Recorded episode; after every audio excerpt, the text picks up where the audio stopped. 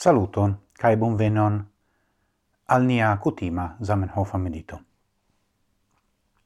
Hodio, mi volas legi kun vi el tiron el letero al Teofil Cart. Teofil Cart estis uh, grava esperantisto. Mi pensas ke li estis ebla unua lingvisto profesie qui occupigi serioze pri Esperanto. Kaj estas multa il leteroi senditai al Teofil Cart fare de Zamenhof.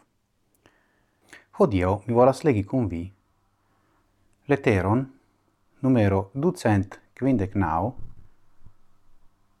kiu estas en pagio quincent quardac tri.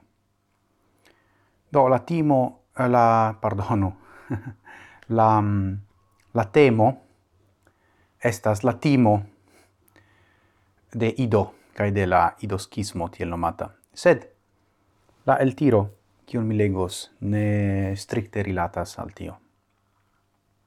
Scribas Zamenhof.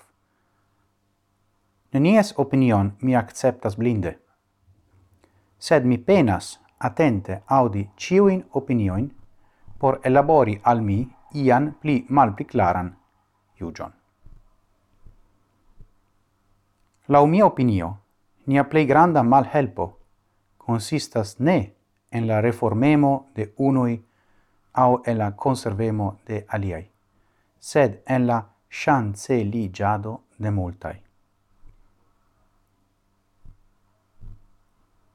Por meti finon alla chanceligiado, mi transalti spezzon, alla confusanta esperoi de unui, cae alla paralisantae timoi de aliai, la mia opinio, esas necesse doni ian decidon claran, precizan, autoritatan cae convincan.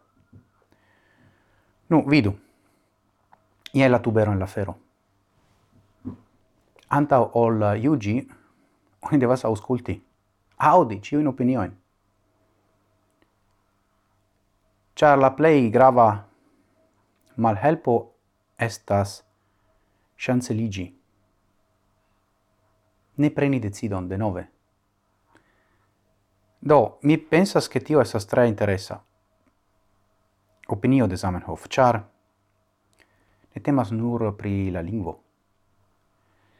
Temas pri ciu ain afero, ciu ne? Do, ne acceptis blinde, Li ne acceptis blinde opinion, sed auscultis. Audis cae poste prenis decidon. Cae decidon devas esti clara, precisa, autoritata cae convinca. Nu, mult foie mi vidas en la sociae retoi, aparte in Facebooko, che svarmas commentoi pri gravai aferoi, kiu estas sen bazai. Do sen uh, atenta infor informado. Mulfoje mi cun partigas informiga in opinioin en mian afficheion. Sen iugi, sen preni parto nur por informi homoin. Onue, mi mem volas esti informita.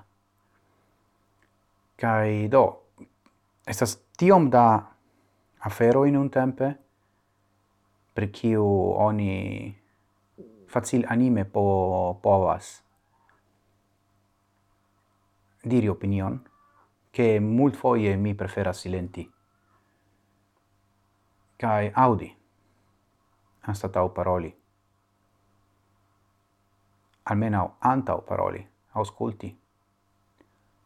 Ausculti kiuin, ausculti homoin, kiui scias ion en la fero pro persona chialoi.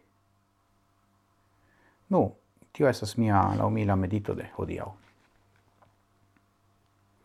De nove, la vorto ed Zamenhof esas tre interessae, ciu ne? Sen depende de Esperanto, facte. Nu ja, Coran dankon pro via tento. Ni revidos nin uh, morgau. Kai hodiau estas ankaŭ la tago de la lasta episodio de la videoserio.